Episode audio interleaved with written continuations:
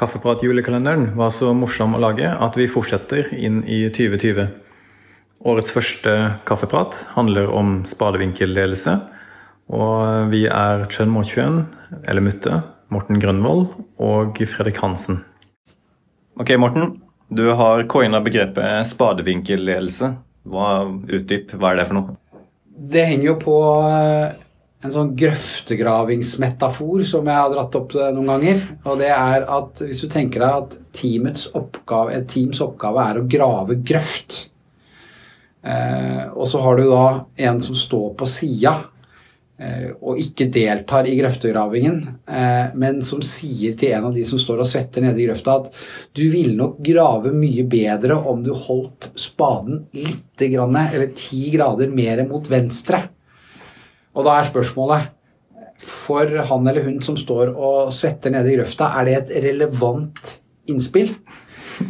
Neppe. Jeg ville tro at eh, de aller fleste vil oppfatte det som eh, en litt sånn provoserende eh, kommentar, som ikke er til hjelp for den oppgaven eh, som man eh, bedriver.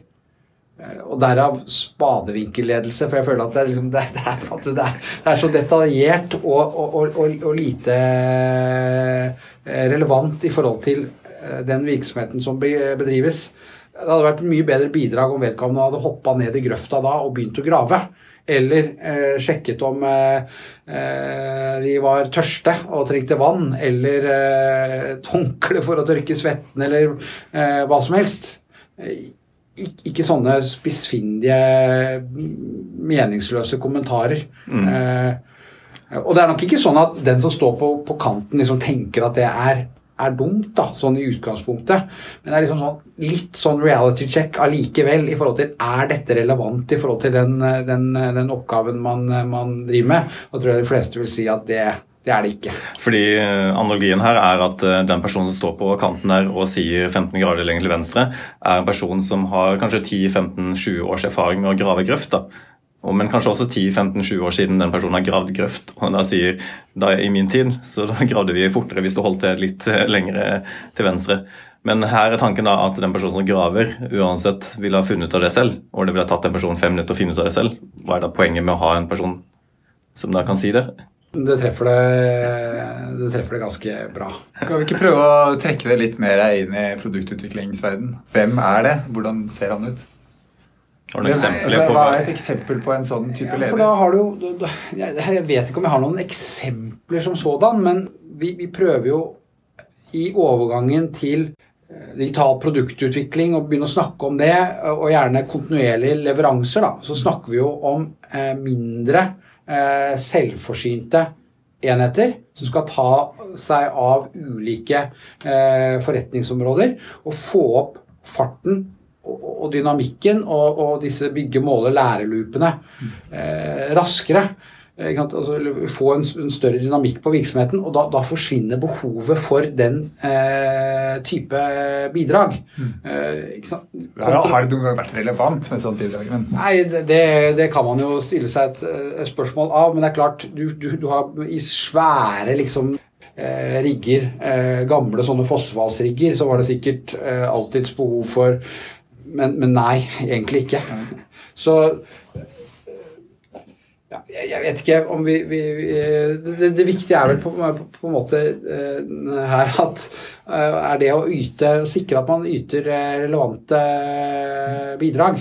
Og det kan f.eks. Du kan ta det over på litt sånn mer nære ting som går på altså dokumentasjonskrav man ikke nødvendigvis helt forstår, eller verktøyvalg som, ja. som, som liksom kreves av teamet eh, bare fordi man har kjøpt lisensen mm. eller eh, et eller annet sånt noe. Det er vel på en måte en, bedre del og, og bit av det.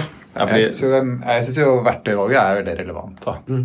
For det er jo eh, altså Der har du typisk en, en, et arkitektteam eller en eller annen eh, driftsavdeling eller noen som har sagt at dette, vi skal bruke uh, Visual Studio med å, å, kode i et, eller annet, et gitt språk.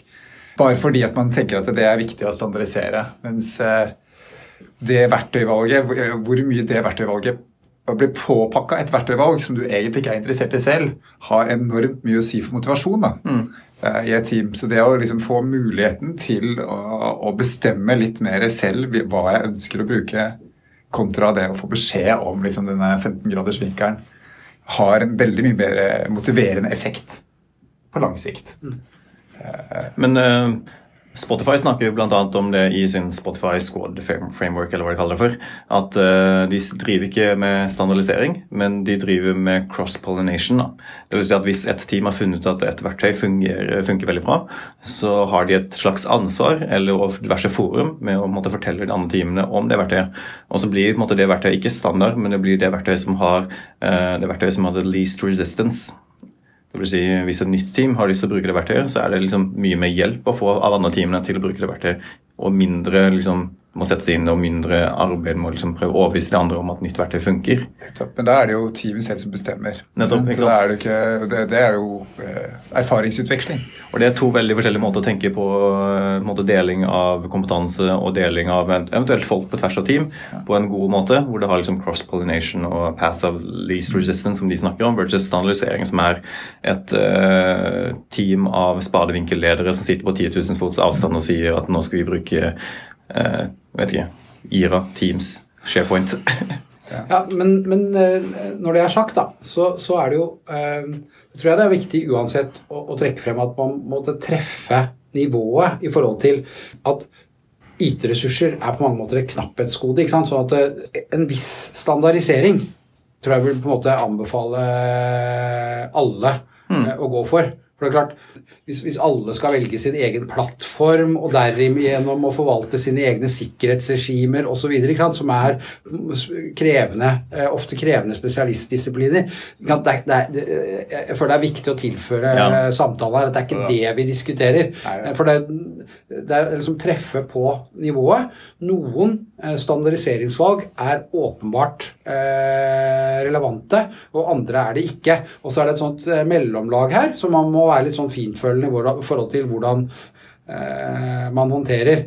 Og, og, det, og, og jeg tror at de virksomhetene som virkelig får fart på tingene sine, er jo de som klarer å finne disse nivåene. Der det er et og så er det et mellomområde, og så er det et- bunnområde som ligger eh, fast, da, hvis man kan bruke den eh, metaforen. Mm. Men eh, spadevinkelledelse det handler jo ikke bare om standardisering eller antistandardisering. Nei, Nei, men, det- nei, men, det det er flere handler, ting, ja, men det handler jo på en måte mer om også er det et hensiktsmessig på en måte ressursbruk da, i forhold til, til, til, eh, til styring av ting. Og der har vi vel altså, der, der har, eh, bør man ha kommet et godt eh, stykke videre. Mm. Jeg tenker at det, altså, Enten så bør det være med ned i grøfta og hjelpe til. Da kan du mene litt om hvordan du bør jobbe, tenker jeg. Ja, og Hvis ikke så bør du stå oppe på toppen og eh, kan du gjerne da ha satt ut et mål og fortelle hvor du skal. Ikke sant? Det er jo ikke, Den type lederskap er jo viktig, men det å sitte og, og stå på utsiden og snakke om detaljer på hvordan eh, den gruppa nede i grava skal jobbe, er jo, er jo døden for, eh, for motivasjon og, og er bare helt irrelevant. Det, er bare, det, er ikke, det skaper ikke verdi verken for deg eller for, eller for teamet eller for den personen i det hele tatt. Helt enig. Så konklusjonen spadevinkelledere, dere bør hoppe ned i grøfta eller klatre opp på en eller annen haug og peke rett vei. Kaffeprat hos Beck er en lavterskelpodkast spilt inn i nærheten av en kaffemaskin hos Beck. Har du noen innspill, tips eller har lyst til å være med på en kaffeprat, send oss en mail til kaffeprat at beck.no. Vi snakkes.